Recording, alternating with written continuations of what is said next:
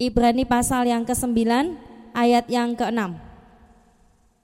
Teman-teman, kenapa sih kita harus menjadi gereja yang misionaris, gereja yang menginjil. Kita harus menjadi anak-anak muda yang menginjil. Kenapa kita nggak diajari? Ya pokoknya kita kenal Tuhan, selesai. Kita menanti-nantikan kedatangan Tuhan, selesai gitu ya. Tapi kita dituntut Tuhan akhir zaman ini untuk menjadi penjala-penjala manusia. Ya, kenapa kita disuruh Tuhan untuk menginjil? Kenapa kita disuruh Tuhan untuk menjangkau? Percaya enggak Anda ada di tempat ini karena ada orang yang menjangkau Anda. Amin. Mungkin tuh teman sebelahmu, mungkin tuh cecemu, ya. Mungkin tuh teman uh, kakak-kakak pembimbingmu. Mungkin orang lain yang bawa engkau. Dia nggak ada di sini tapi engkau ada di sini, engkau kecantol di sini gitu ya, istilahnya. Mungkin ada orang seperti itu, tapi kenapa kita harus menginjil? Betapa pentingnya kita menginjil, betapa pentingnya keuntungan untuk menjadi orang Kristen. Maka Anda gini, kalau Anda ngerti betul rasa bakso itu enak, Anda akan cerita ke orang lain. Oh enak loh baksonya, apalagi es telernya tuh ya. Kamu setelah minum, kamu teler seharian gitu ya. Oh enak pokoknya, melayang-layang gitu ya. Karena kamu sudah ngalami. Beda orang yang tidak pernah ngalami, lalu dia tanya, eh bakso itu enak nggak? Es teler itu enak nggak? Ya nggak tahu, mungkin enak sih katanya. Karena kita nggak ngalami. Sehingga orang yang tidak pernah mengalami betapa enaknya keuntungan menjadi orang Kristen, menjadi anak Tuhan yang radikal, mereka akan menjadi standar. Mereka akan merasa, ya tidak perlu saya meminta orang lain untuk menjadi pengikut Kristus. Karena Anda tidak mengerti taste atau rasanya, nikmatnya ikut Kristus. Saya mau tanya, Anda sudah merasakan indahnya nggak sih ikut Kristus? Yang merasakan nikmatnya angkat tangan. Apa sih keuntungannya dari kita menginjil, uh, kita menyampaikan berita Injil? Nah, kita akan pelajari betapa hebat rahasia Allah yang Tuhan berikan ketika momen Paskah ini. Di mana momen kematian dan kebangkitan itu adalah satu rahasia yang sungguh indah. Coba kita lihat Ibrani 9 ayat yang ke-6 mulai sampai 10. Demikian caranya tempat yang kudus itu diatur, maka imam-imam senantiasa masuk ke dalam kemah yang paling depan itu untuk melakukan ibadah mereka. Tetapi ke dalam kemah yang kedua hanya imam besar saja yang masuk sekali setahun dan harus dengan darah yang ia persembahkan karena dirinya sendiri dan karena pelanggaran-pelanggaran yang dibuat oleh umatnya dengan tidak sadar. Dengan ini Roh Kudus menyatakan bahwa jalan ke tempat kudus itu belum terbuka selama kemah yang pertama itu masih ada. Itu adalah kiasan masa sekarang sesuai dengan itu dipersembahkan korban dan persembahan yang tidak menyempurnakan mereka. Lalu mana? Yang mempersembahkannya menurut hati nurani mereka. Karena semuanya itu di samping makanan, minuman dan berbagai macam pembasuhan hanyalah peraturan untuk hidup insani yang hanya berlaku sampai tiba waktu pembaharuan. Hari ini saya mau jelaskan sedikit bagaimana sejarah dari tabernakel. Adik-adik mungkin sudah tahu bahwa dulu ketika zaman Musa Tuhan perintahkan ada ruang pelataran, kemudian apa? Ya, ada tiga ya, pelataran, ruang suci, ruang maha suci. Nah, Tuhan katakan itu semua hanyalah kiasan yang akan terjadi nanti. Dan ketika Yesus mati, tabir itu dibelah, maka ini yang akan terjadi. Teman-teman, pada zaman dulu mereka ada imam besar yang mereka masuk ke uh, ke ruang maha suci yaitu ada tirai satu, ada tirai dua, mereka masuk ke tirai yang paling dalam itu, ya, itu setahun sekali untuk membawa pendamaian bagi dirinya sendiri karena dia juga berdosa dan umat Tuhan selama setahun sekali. Jadi dosa umat Tuhan setahun sekali itu dibawa ke Tuhan di dengan darah yang yang yang waktu itu sudah diatur ya persembahan dan sebagainya akhirnya ada pengampunan. Nah, teman-teman, pada waktu itu kalau imam itu tidak kudus, imam itu tidak layak atau dia melanggar peraturan Tuhan, imam itu diikat oleh benang. Saya selalu ingat itu. Imam itu kakinya diikat oleh benang merah, ya dan ada kerincingannya. Lonceng begitu ya, masuk ke ruang Maha Kudus dan kalau dia tidak berbunyi lagi kerenceng-kerencengnya, dalam waktu yang tertentu maka dia sudah Dan akhirnya apa yang dilakukan oleh para imam-imam yang di luar yang mungkin sedang menunggu imam besar itu, mereka akan menarik kakinya dan dia sudah mati. Kelihatannya mengerikan sekali. Orang buat dosa, oh tiba-tiba mati gitu ya. Imam masuk tidak boleh sembarangan, semua ada aturannya. Nah, kalian akan saya tunjukkan bagaimana tabernakel itu. Tolong videonya, Max.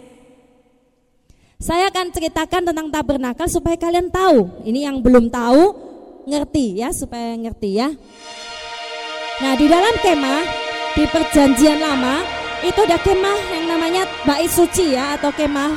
Di situ ada 12 suku Israel yang mengelilingi. Jadi di suku utara, barat, timur, selatan ada tiga suku, tiga suku, tiga suku, tiga suku, 12 suku mengelilingi kemah ini.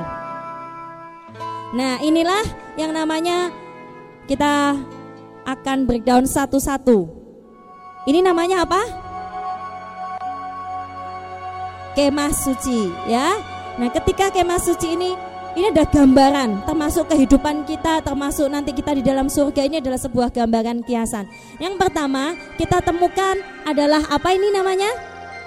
Mesbah bakaran ya. Mesbah bakaran yang yang tempat domba, kambing apa disembelih di situ ya. Nah, nanti ditunjukkan satu-satu ya.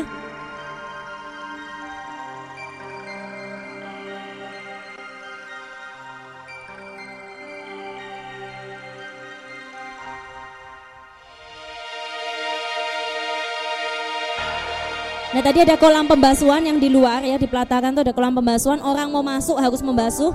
Di dalam itu di ruang suci ini ada yang namanya kaki dian ya kaki dian tuh bentuknya seperti ini ada kelopak kelopaknya ada lampunya ada minyaknya itu semua diatur ya ada cabang-cabang ada tombol-tombol di situ ya yang menonjol nah itu semua diatur jumlahnya berapa seperti apa bentuknya nah ini yang namanya meja roti sajian ada enam di kanan, enam di kiri yang melambangkan makanan buat bangsa Israel, yaitu 12 suku, ya. Itu di ruang suci, yang artinya firman Allah, ya. Kalau secara rohani diartikan seperti itu. Nah, kemudian ini masih nah ini masih enam ya.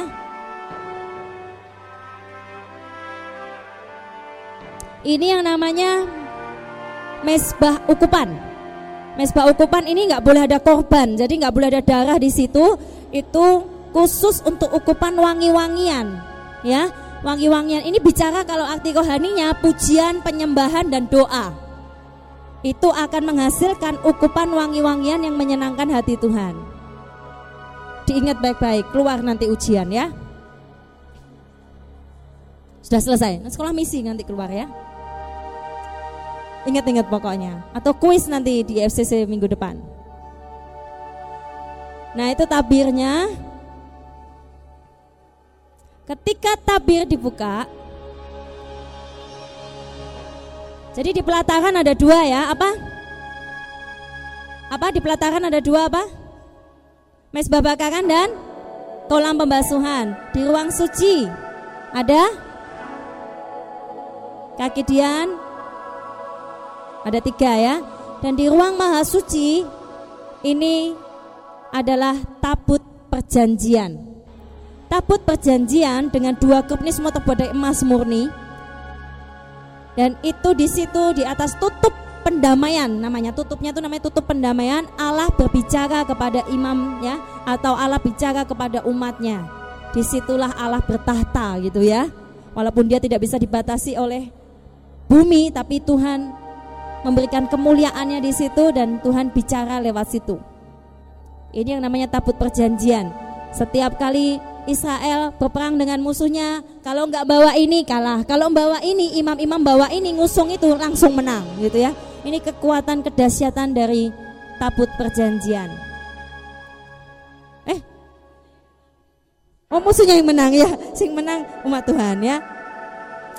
Belum ngantuk berarti kalian ya. Sudah, sudah cukup, cukup, cukup. Matikan. Nah, teman-teman, kita lihat Ibrani pasal yang ketujuh. Kalian harus ngerti dulu ini Ibrani pasal 7 ayat yang ke-26. Sebab imam besar yang demikianlah yang kita perlukan, yaitu yang terus Terus uh -uh. Lanjut 27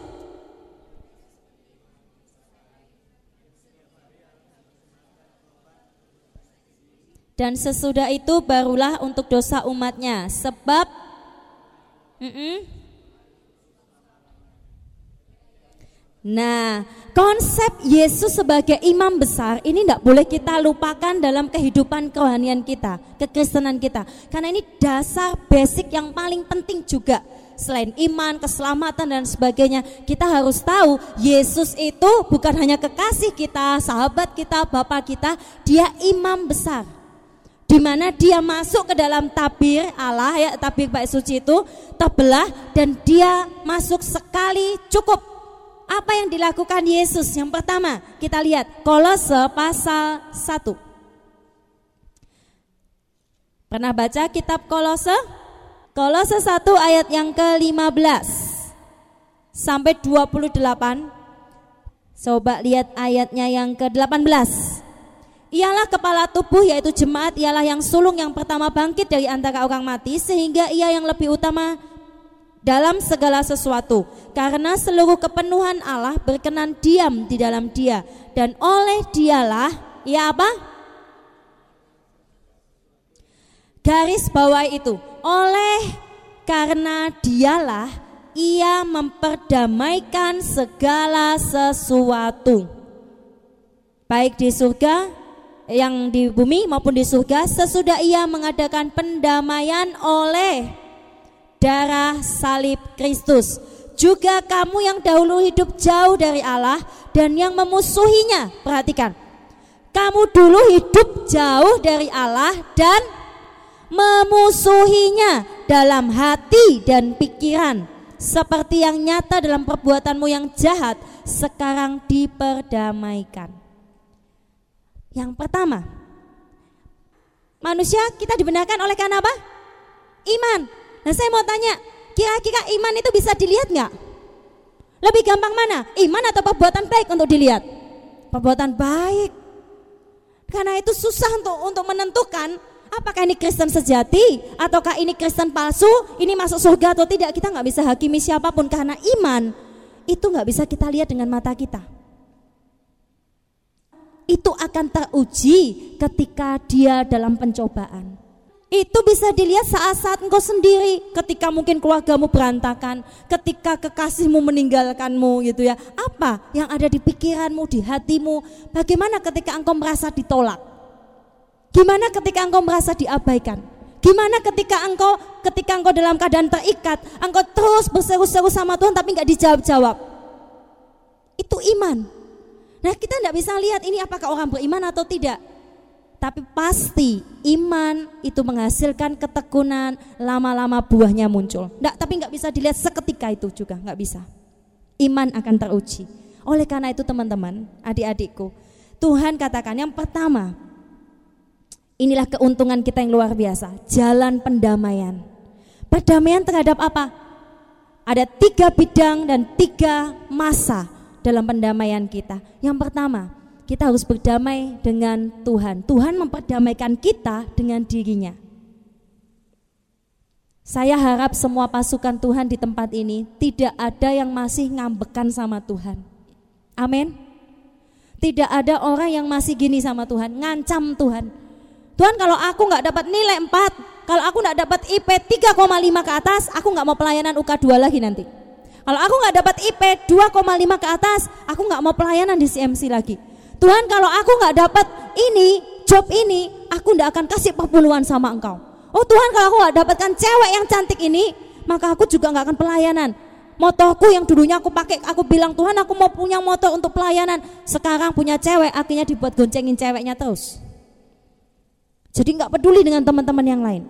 Dulu kita berjanji Tuhan, kalau saya punya mobil, saya mau antar jiwa-jiwa ke mana pun, bahkan ke ujung-ujung bumi gitu ya. Tapi setelah dapat mobil, apa yang terjadi? Ah enak jalan-jalan, ah enakan pergi ke mana. Itulah hati manusia teman-teman. Makanya belajar teman-teman. Yang pertama berdamai dengan Allah. Sudahkah engkau berdamai? Berdamai dengan Tuhan. Padahal firman Tuhan jelas katakan pada saya dan Anda, darah Yesus, oleh karena karya Yesus kita diperdamaikan. Artinya kamu bisa berdamai dengan Tuhan. Jangan bertengkar lagi, jangan selalu bertanya sama Tuhan, mengapa begini Tuhan, mengapa begitu Tuhan? Emangnya Tuhan kamus? Kita cari tahu semuanya. Ada hal-hal yang tidak perlu engkau tahu. Amin. Ada hal-hal yang tidak usah dibukakan. Karena ketika engkau dibukakan, engkau tidak kuat untuk terima. Ketika seseorang dibukakan usia umurnya, seperti yang kau dikatakan, tiga tahun lagi engkau meninggal. Saya tidak tahu apa yang akan kau lakukan. Satu hari lagi engkau meninggal. Saya tidak tahu apa yang kau lakukan. Beberapa waktu lalu saya dengar sebuah kisah nyata. Seminggu dua minggu lalu, seminggu lalu.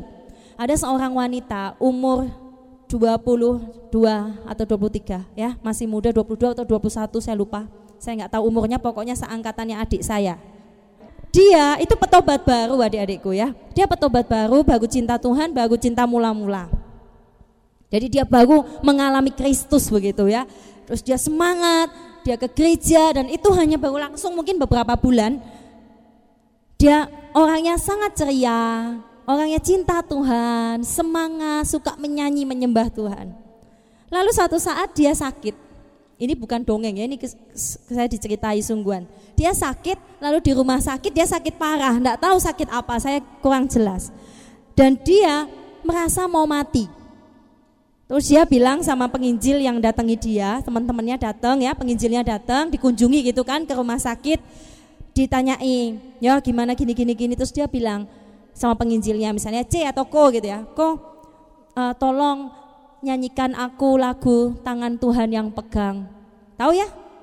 Dia bilang besok saya mau dipanggil Tuhan. Waduh semua teman-temannya sama pendetanya ini kaget gitu loh dan berkata, kamu tuh jok guyon lah, kamu masih muda ya, tenang. Kamu jok ngomong sing aneh-aneh, biasanya gitu kan kita ya. Jok ngomong sing aneh-aneh, mungkin dia lagi dipikirnya ini cewek ini lagi tertekan, sedih kan. Jok ngomong sing aneh-aneh. Dia pulang ya. Dan betul, keesokan ya pada waktu itu hari Minggu, minggu lalu berarti. Hari Minggu dia meninggal. Dia dipanggil Tuhan. Belum sempat dinyanyiin. Akhirnya dengan sedih mereka menyiapkan band kecil untuk pemakamannya dengan lagu Tangan Tuhan yang pegang. Ya. Dan ketika waktu kami mendengar cerita itu, roh saya sedih. Seolah memang tidak seorang pun tahu usia manusia. Kalau Tuhan mau panggil engkau dalam usia muda, bisa. Dan itu suatu kebanggaan. Amin. Kalau engkau sudah siap loh. Pertama, jalan pendamaian terhadap Tuhan. Yang kedua berdamai dengan diri sendiri, berdamai dengan orang lain. Dan ada tiga area masa, yaitu masa lalu, masa sekarang, dan masa depan. Ini yang harus saya khotbahkan. Kalian harus berdamai dengan masa lalu kalian. Ada hal-hal yang tidak bisa diubah teman-teman. Saya pernah buat kesalahan waktu SMA. Kalian pernah buat kesalahan waktu SMP. Kalian pernah buat kesalahan yang pernah kita buat di masa lalu kita. Dan ada orang-orang yang masih merasa begini, aku tidak minta loh Tuhan cerita itu ya siapa sih minta jelek. Saya percaya tidak seorang pun minta yang jelek. Tapi kadang kita berteriak, aku tidak minta loh Tuhan dilahirkan dalam keluarga ini. Aku tidak minta loh Tuhan, aku punya temen kok sebengsek itu. Tuhan aku tidak minta loh dulu kenapa aku kesepian terus ada cowok ganteng temeni aku. Tapi akhirnya dia tuh hidung belang gitu ya. Tanya dia harimau belang-belang ya. Kita tidak ngerti, tapi kenapa Tuhan? Berdamai dengan masa lalu. Oke, saya punya masa lalu. Saya kalian punya masa lalu. Kita tidak bisa gini. Oh, setelah aku cinta Yesus, semua masa lalu kok aku tidak mau ingat lagi. Oh, itu tidak akan mempengaruhi saya lagi. Kita seolah-olah menyingkir-nyingkirkan. Tidak perlu seperti itu. Terimalah masa lalumu. Yang mau terima masa lalumu angkat tangan. Masa lalu memang tidak boleh diungkit-ungkit tapi harus belajar diterima, pendamai, berdamai. Yang kedua, masa sekarang. Sekarang kamu gendut. Sekarang kamu kurus. Sekarang kamu masih bodoh gitu ya. Sekarang IPmu masih dua atau satu koma. Belajar terima. Inilah keadaanku. Single, itu keadaan kita mungkin. Belajar terima keadaan kita sekarang. Dan yang ketiga, berdamai dengan masa depan. Berapa banyak anak-anak Tuhan itu takut melihat masa depannya sendiri. Ada yang membayang-bayangkan, nanti ini aku sudah lulus, nanti gimana ya aku tidak dapat kerja, nanti gimana ya aku kawin umur piro yo, mbek sopo yo, anakku kira-kira wajah kayak apa ya, lalu lihat anak-anak kebutuhan khusus anak-anak cacat kita mikir, ini anakku cacat ya apa ya, kita mulai mikir nanti aku tinggal di mana ya, kita bukannya tidak boleh planning, berdamai, jangan terlalu khawatir akan masa depan, karena masa depan kita ada di tangan Tuhan, amin. Belajar berdamai dengan itu. Nah, keuntungan yang kedua yaitu Ibrani 4 ayat 14. Ayo buka. Ibrani pasal 4 ayat yang ke-14.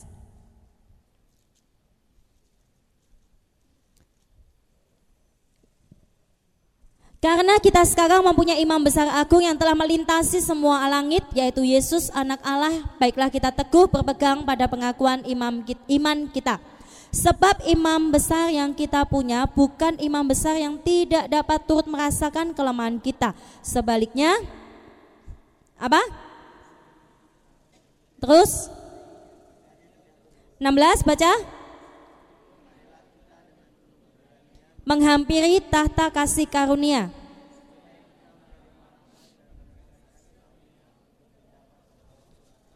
Ayat ini ayat yang powerful sekali. Karena kita tahu ya imam besar kita turut merasakan penderitaan kita. Dia merasakan kesepian, dia merasakan kelaparan, dia merasakan ketakutan, dia juga pernah merasakan kekhawatiran, ditinggalkan, dia pernah merasakan semua bahkan dosa manusia, ketakutan emosional manusia dia rasakan semuanya. Oleh karena itu, dia bukannya tidak dapat menolong kita karena dia sudah pernah merasakannya dia bisa menolong kita. Lalu ayat yang ke-16 katakan, marilah dengan penuh keberanian.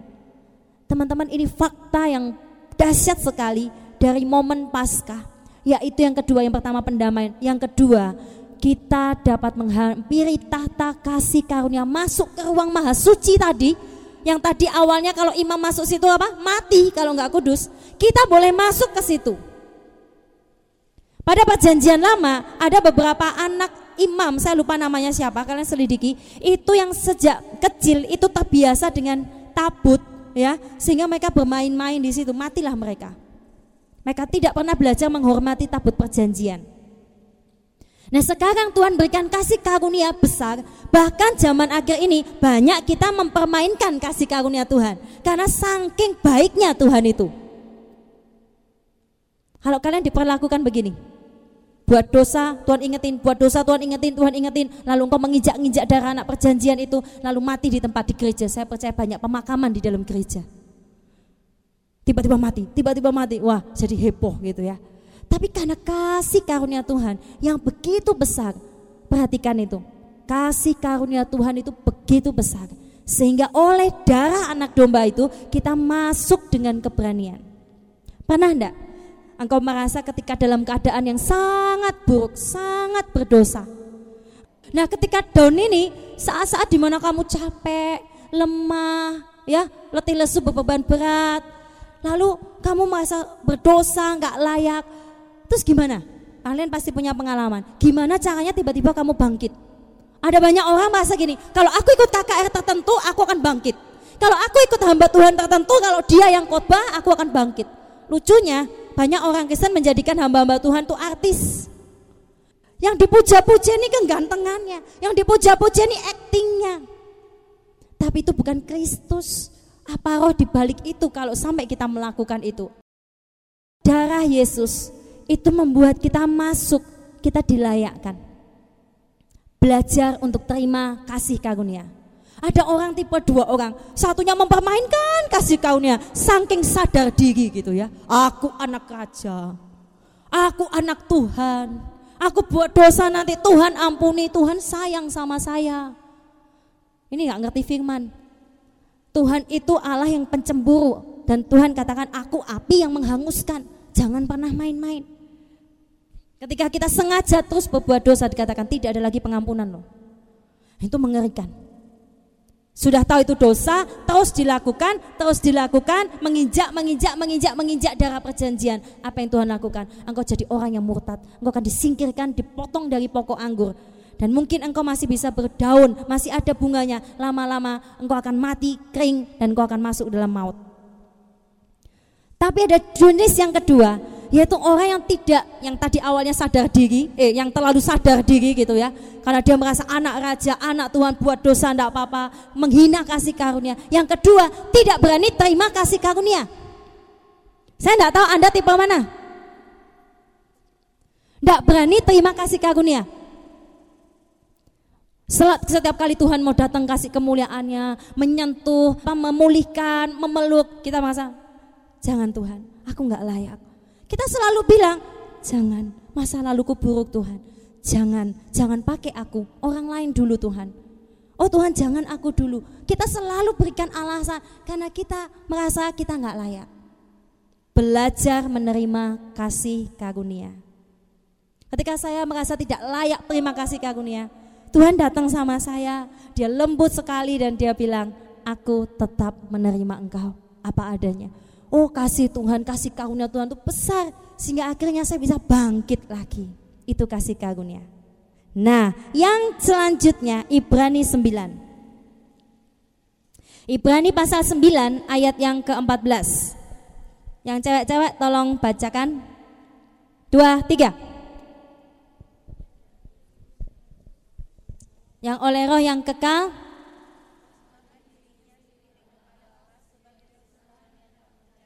Perhatikan, akan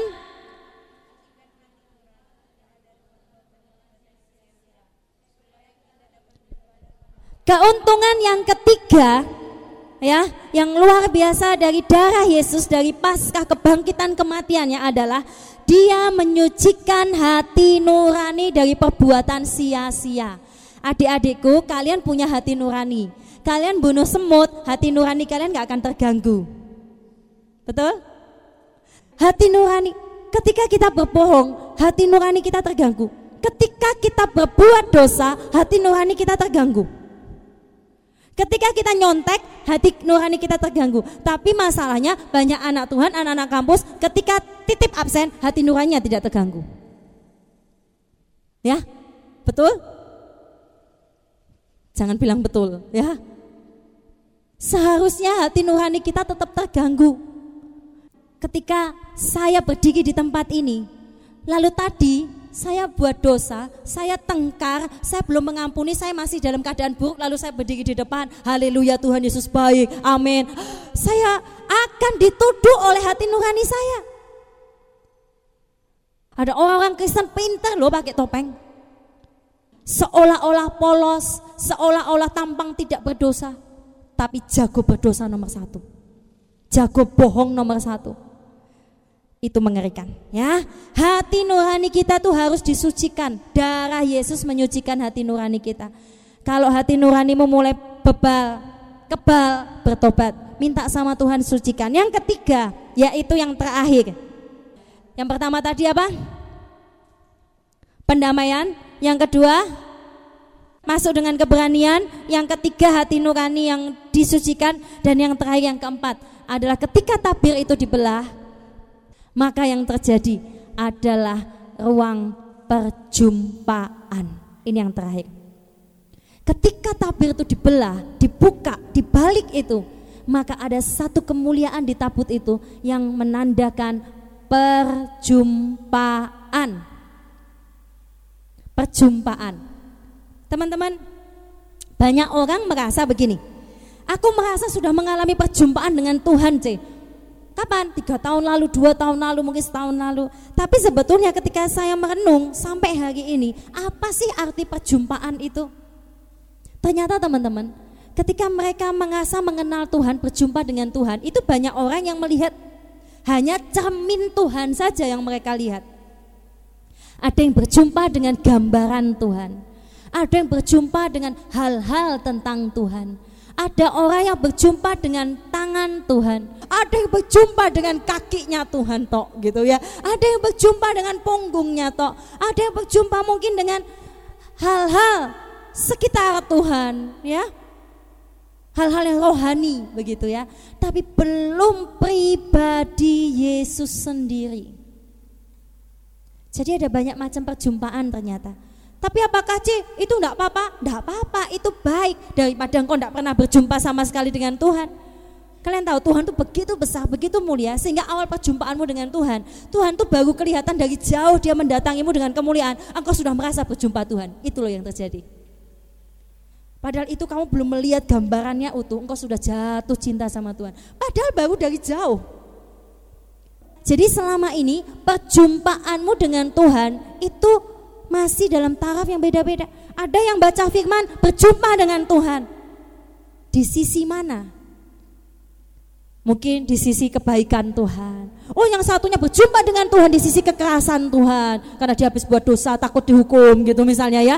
Lalu dia berdoa Tuhan ampuni aku. Dia berjumpa dengan Tuhan. Tapi jangan berhenti di situ. Sampai hari ini saya masih terus belajar mengenal Tuhan saya. Karena mengenal Tuhan secara utuh nanti itu ketika kita diangkat. Firman katakan kita akan mengenal dia dari wajah ke wajah mengenal dia secara sempurna. Sekarang kita belum mengenal dia secara sempurna.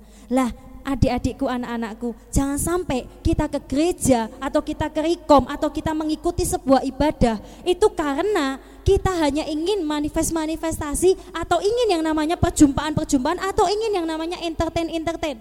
Saya rindu di tempat ini kita tidak cetak yang namanya pengikut. Kita mau cetak anak-anak kebangunan, pasukan kebangunan yang artinya bukan begini, Keisha, saya sudah anggap kamu anak kita. Jangan sampai gitu ya, oh nanti dia di sini. Nanti ketika di, di tempat lain ada visi apa, dia ikut lagi ke sana. Nanti tahun depan ada apa lagi, dia ikut ke tempat lain lagi. Oh ini ada cowok ganteng nyanyi, dia ikut ke sana gitu ya. Ini pendetanya ganteng, luar biasa, ada ini. Kalian tahu ya, anak, seorang anak itu harus dibesarkan dalam rumah. Harus dididik dalam rumah sejelek-jeleknya rumah itu, tanpa orang tua, anak itu akan menjadi buruk. Walaupun rumah itu jelek, reot, asalkan ada bapak, ada ibu, indahlah rumah itu. Amin. Tapi jika rumah itu besar, megah, indah, tanpa ayah, tanpa ibu, tanpa saudara-saudara rohani, hancurlah kita. Nah, namanya anak itu didik dalam sebuah rumah. Tapi banyak anak-anak itu merasa masih mencari gambar diri jati dirinya. Aku ki anak esopo gitu loh. Ini yang bahaya. Karena di akhir zaman kau tidak tahu anaknya siapa ya. Memang anaknya Tuhan Yesus. Engkau masih terus mencari jati dirimu engkau akan mudah dimakan iblis. Dan yang terakhir ya. Coba kita buka Ibrani pasal 10 ayat 22 Marilah kita menghadap Allah dengan hati yang tulus ikhlas dan keyakinan iman yang teguh. Oleh karena hati kita telah dibersihkan dari hati nurani yang jahat, tubuh kita telah dibasuh dengan air yang murni. Ayat 23, marilah kita teguh, baca terus sampai selanjutnya. Ada adikku, oleh karena darah Yesus, kita dibasuh dengan darah, eh, dengan air yang murni. Sehingga begini, keintiman, ruang perjumpaan itu tidak mustahil buat kita. Kita renungkan firman Tuhan. Terima kasih Tuhan, terima kasih Bapa. Kami sudah dengar kebenaran firman-Mu, kami belajar sedikit tentang tabernakel Bapa. Hambamu ini sangat terbatas Tuhan, tapi begitu banyak yang roh hambamu ini ingin katakan kepada anak-anakmu. Mari engkau yang sampaikan, roh kudus engkau sampaikan kerinduan hatimu, isi hatimu kepada kami Tuhan bahwa Engkau merindukan anak-anak kebangunan yang dilahirkan, anak-anak kebangunan yang dididik, anak-anak kebangunan yang belajar berdamai dengan dirinya sendiri, yang belajar berdamai sebab darahmu cukup bagi kami Tuhan. Mari kita lihat, kita renungkan, apakah engkau masih belum berdamai? Hari ini berdoa. Ada mungkin engkau yang merasa sangat tidak layak, engkau mempermain atau mungkin kau yang mempermainkan suka mempermainkan kasih karunia engkau berkata tidak apalah buat dosa lagi, tidak apalah, tidak apalah kita menganggap enteng. Atau engkau adalah orang yang sangat sulit untuk dikasihi, sangat sulit untuk didekati, sangat sulit menerima kasih, sangat sulit untuk menerima kasih karunia yang Tuhan berikan. Engkau juga berdoa malam hari ini. sesuai dengan kebutuhanmu masing-masing. Saya percaya firman Allah adalah jawaban buat engkau. Saya percaya firman Allah adalah kemerdekaan buat kita. Setiap kita Tuhan bicara yang berbeda-beda dan tangkap suara Tuhan itu, dengarkan suaranya. Atau mungkin engkau merasakan bahwa hati nuranimu mulai tumpul Engkau menyakiti Tuhan, engkau berbuat dosa, engkau mungkin biasa-biasa, tapi engkau tidak sadar keadaanmu bahwa engkau sedang down, engkau sedang jatuh, engkau sedang terluka, engkau sedang jauh dari Tuhan. Engkau enggak mulai lagi mencintai, mencari Tuhan. Hati nuranimu mulai tumpul. Hari ini juga engkau berdoa di momen Paskah ini. Kita berdoa. Atau mungkin engkau orang yang selanjutnya Engkau tidak mengerti apa itu perjumpaan. Engkau merasa berjumpa dengan Tuhan itu mustahil. Engkau takut mendekati Tuhan. Jangan takut. Ketika tabir dibuka, ruang perjumpaan atau saya katakan itu ruang keintiman yang paling intim kita dengan Tuhan. Itu sudah dibuka dan itu sangat memungkinkan bagimu untuk masuk. Alam roh itu nyata, alam roh itu ada. Dan rohmu itu juga nyata. Rohmu bisa merasakan rohnya perjumpaan perjumpaan dengan Tuhan Maukah engkau mengabarkan berita baik ini kepada saudara-saudaramu? Maukah Anda mulai mengubah fokus hidupmu dan berkata, "Aku tahu begitu besar kasih karunia ini, dan aku tidak akan mempermainkan kasih karunia ini." Dan aku akan menjadi penjala-penjala manusia untuk memperkenalkan kasih karunia Tuhan. Terserah orang itu mau terima atau tidak, terserah orang lain mau terima atau tidak, tetapi engkau melakukan kewajibanmu sebagai penjala-penjala manusia. Sebab engkau sudah ditebus, engkau diselamatkan. Mari semua renungkan sesuai kebutuhanmu masing-masing berdoa, berdoa.